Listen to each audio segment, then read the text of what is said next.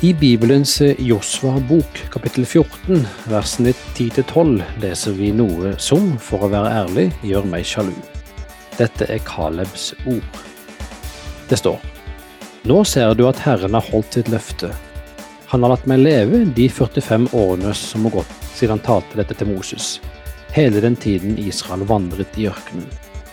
Og nå er jeg, som du ser, en mann på 85 år er fremdeles like sterk som den dagen Moses sendte meg ut. Min kraft er den samme som da. Jeg kan ikke snakke for deg, men det hadde vært fint en dag å kunne si jeg er like sterk i dag som 85-åring som jeg var for 40 år siden. Virker det usannsynlig? Vi skal se nærmere på dette straks. Velkommen til Troens menn. Mitt navn er Harald Endresen, og med meg i studio er Alf Halvorsund. I Bibelen står det at kroppen vår skal være et tempel for Den hellige ånd. Så la meg stille deg følgende spørsmål. I hvilken form er ditt tempel i? Er den veldig god? Er den middels? Eller er den dårlig? Dagens tema er dette å ta vare på kroppen vår, kropper som kan tjene som templer for Den hellige ånd. Bli med videre, dette blir spennende. Alf Alvorsen, du ser jo strålende ut i dag, hvordan føler du formen er? Ja, takk for komplimentet, men uh, jeg føler ikke formen er så dårlig. Uh, det er faktisk noe som er, Nå er jo jeg 63 år, så det er jo en, en, stigende en stigende opptatt av det, at det er ikke en selvfølge å være i god form. Så det er noe man må jobbe med. Og, og dagens program skal også handle om å ta vare på dette tempelet som kroppen vår er, ifølge Bibelen. Det står i eh, Eller Paulus spør i 1. Korinterbrev 6,19.: Vet dere ikke at deres legemer er tempel for Den hellige ånd, som er i dere, og som dere har fått av Gud? Antagelig var det enklere å holde seg i god form på Paulus tid, for da arbeidet de på jordene, de gikk og de gikk, vi snakker jo om apostlenes hester, vi har riktignok mange hestekrefter, vi, og det bruker vi altfor ofte, men de ligger under panseret, og til og med til postkassa kan de bruke bilen. Ja, og for min del, jeg har snakka i mikrofon og drevet med mediearbeid i største delen av livet mitt, så har jeg vært nødt til å sørge for eh, regelmessig trening. Det å drive med radio brenner ikke akkurat mange kalorier, og vi brenner mange lyspærer, så Nei, det er sant det, men jeg syns du ser bra ut, Harald. Ja, takk skal du ha. Jeg tror vi kan se på det at du, du trener litt. Rann. Sjøl så trener jeg ikke sånn veldig treningsstudio eller sånt noe. Men eh, jeg er opptatt av å være i fysisk aktivitet. Eh, jeg jakter mye. Skal jeg si, Det er jo mye gåing, er det ikke det? Det er mye gåing, ja. Fiske blir ikke like mye. Jeg liker friluftsliv og vedhogst. Både jeg og kona mi er opptatt av at vi skal være i bevegelse jevnlig. Doktoren sa at du må få opp pulsen i hvert fall to ganger i uka. Så det er viktig. Og det leser vi også i den boka som de fire prioriteringene av John Tolson og Larry Crider. De skriver faktisk at i årenes løp har de lagt merke til at eh, de har mistet muskelmasse. Ja, Så etter hvert som man blir eldre, så får vi altså lavere forbrenning, da? Ja, og det kan bli et problem. For vi trenger ikke like mange kalorier i den alderen som før for å holde kroppen i gang. Og, og spesielt i vår vestlige kultur der eh, fortsetter vi å spise like mye, og kanskje mer selv om vi blir eldre. Så vi har altså stadig lavere forbrenning samtidig som vi spiser mer. Og, og spiser vi mer enn vi forbrenner, så legger vi på oss. Har du tenkt at uh, dette skal være et slankeprogram i dag, herr Alf? Ja, det ville jo vært et uh, Da ville de blitt praktisk nyttige. Jeg har jo nevnt han Rick Warren en gang, vet du. Han, han skjønte jo, for han var, var heller ikke spesielt tynn. Og når jeg var der i Saddleback Community Church i California, og du så det vi fikk å spise Har du hatt en amerikansk frokost? Oh yes. Det er omtrent som en sånn kaffemat hos oss, altså. Det er bare søtsaker. Så han satte i gang slankeprogram, han. Og eh, jeg synes han Vet når du har 30 000 i menigheten Som, som ser på? Ja, altså som får med en del av de, så ble det ganske mange tonn de tok av etter hvert. Nå skal vi ikke snakke om slanking.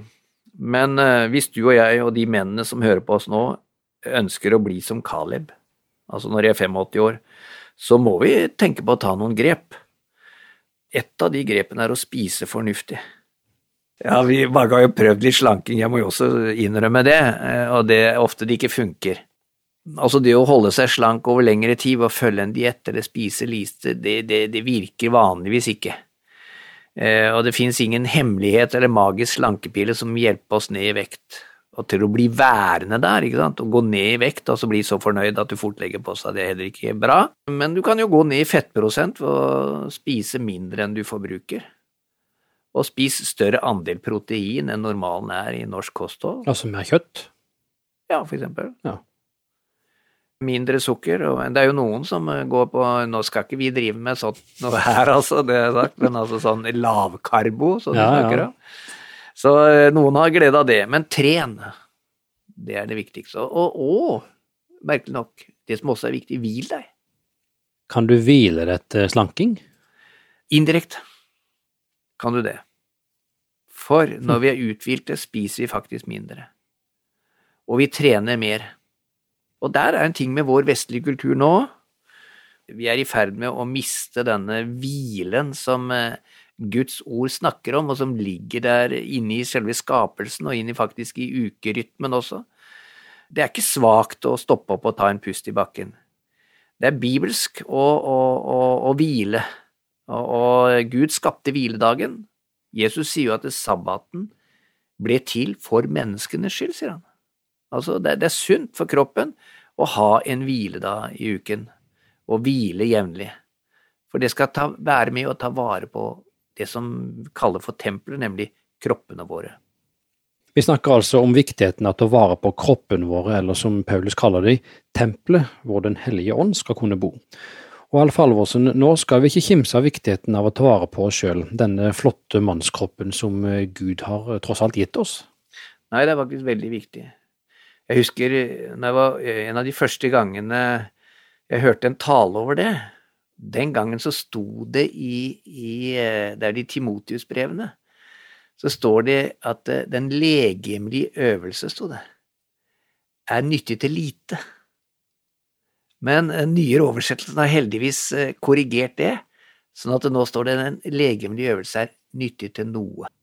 Og nå snakker jo du og jeg i disse programmene først og fremst om gudsfrykt, som er nyttig til alt.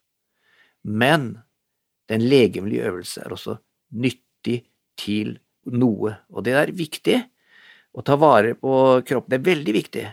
Og det handler ikke om å være egosentrisk eller selvopptatt, og det er selvfølgelig en fare ved det. Det handler om å se på oss selv på samme måte som Gud ser på oss. Vi er kronen på hans skaperverk. Og at vi er forvaltere av pengene våre og tiden vår, det som egentlig tilhører Gud, det vet vi. Dette er noe som er gitt oss i tillit til at vi bruker det fornuftig, og det samme gjelder kroppene våre. Derfor må vi stille oss spørsmålet er jeg en god forvalter av den kroppen Gud har gitt meg. Så Alf Halvorsen, vi har nevnt at vi bør ta godt vare på kroppene våre, at vi bør spise fornuftig og sørge for nok hvile. På hvilken andre måte kan vi ta vare på kroppen best mulig?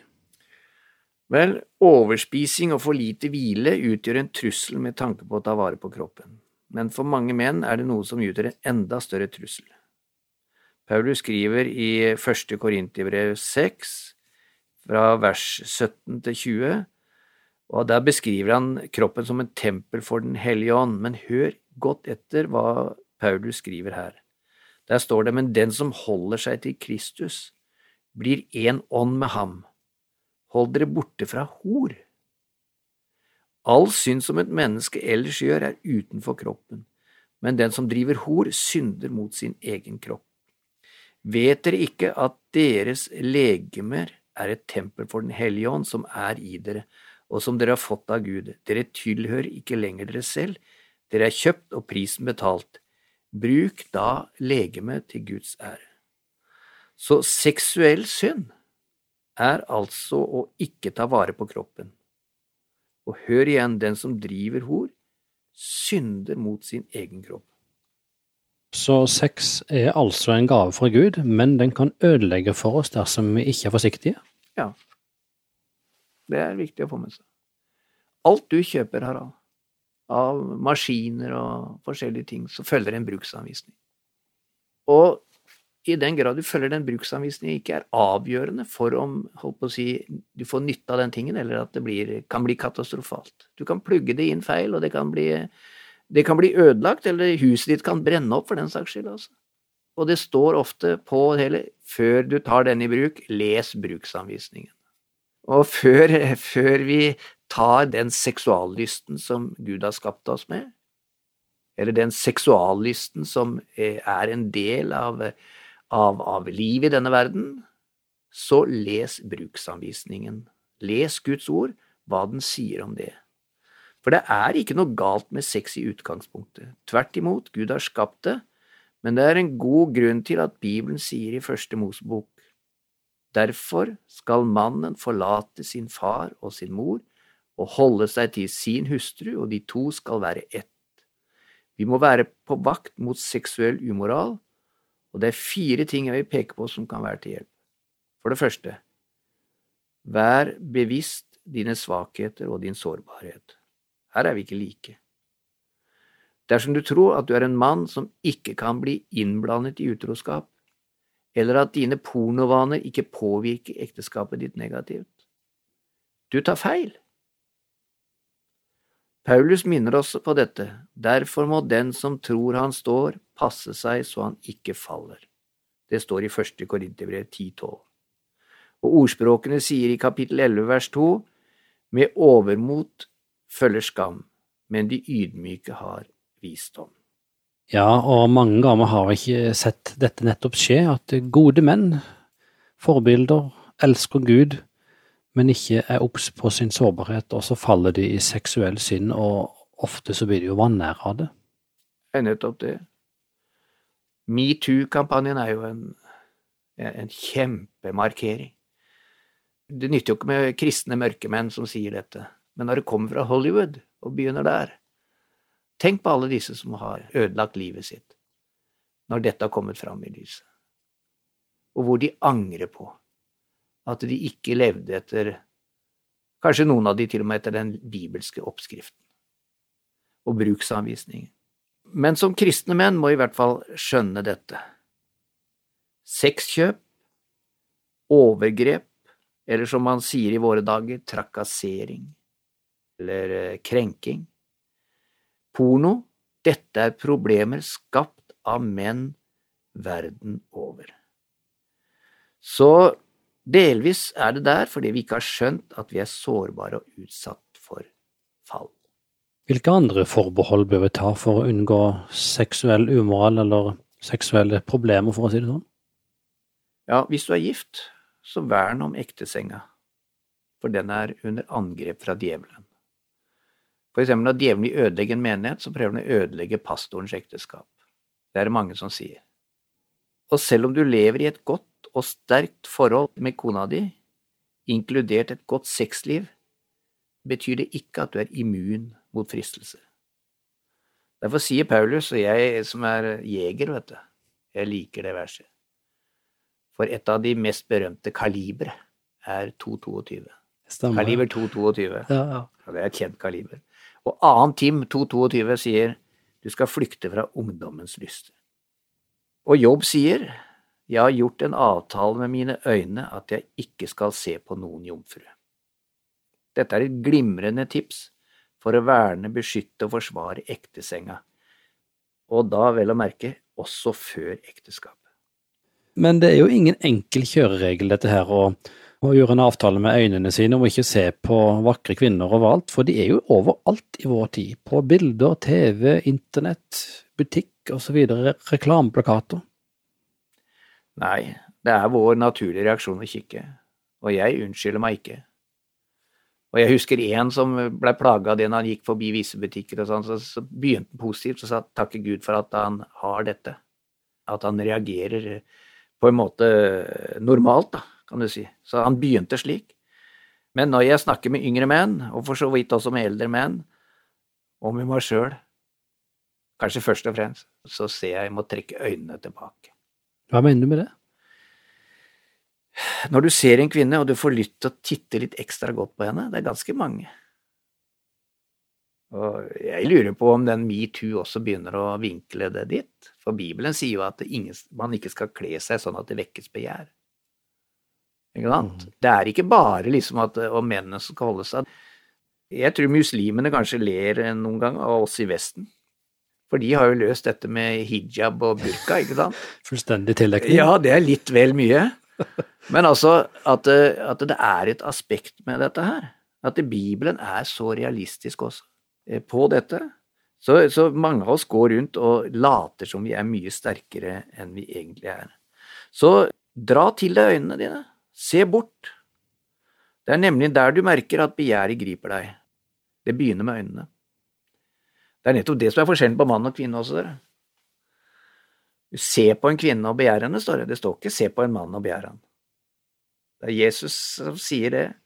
Men å se på en kvinne og begjære henne, aldri drevet hor med henne. Så jeg husker en malisk pastor. Han sa at ok, du ser én gang, men det er den andre gangen du ser, som er på en måte synd. Og der begynner det noe som kan føre til et skikkelig fall. Så, så vær obs på det. Dra til deg øynene isteden. Og så gi heller oppmerksomheten til kona di. Jeg er stadig vekk oppe med han Rick Warren. Han lærte meg mye. Han sa også en sånn setning 'never compare'. sa ja, og Det gjelder jo for eksempel i forhold til andre menigheter og mange sammenhenger, men en av de sammenhengene som du ikke skal sammenligne. Ikke sammenligne med kona di. Overrask henne med små gaver. Hvis hun er i jobb, putt en liten kjærlighetserklæring oppi matboksen hennes. Gå turer sammen. Og når dere har sex, tenk på hvordan du kan tilfredsstille henne og glede henne. Samle tankene dine om henne. For du er kalt til å elske henne, enten hun er elskverdig eller ikke. Gode, onde dager. I gode, onde dager. Det er ikke hun som sier at du skal, du skal elske, det er Gud som sier det. Så det er en del av et, vårt gudsforhold å elske kona. Vi skal elske kona vår som Kristus elsker kirka og ga sitt liv for den, rett og slett. Der er Jesus også forbilde igjen. Mm. Nå er vi på, er vi på, på on the track again. Hva er neste steget da for å unngå seksuell umoral? Det er å vokte Vi sa om øynene, og vokte tankene. For Jesus har sagt at dersom du begjærer en kvinne i ditt hjerte, har du allerede begått utroskap. Og der står det dette verset som vi har vært inne på, fordi veldig mye skjer på tankelivet. Det å ta i 2. Korinterbrev 10.5 ta, Vi tar hver tanke til fange under lydigheten mot Kristus. Og øh, ja, det er jo, høres litt rart ut, men på en måte er det greit med dette ordet fange.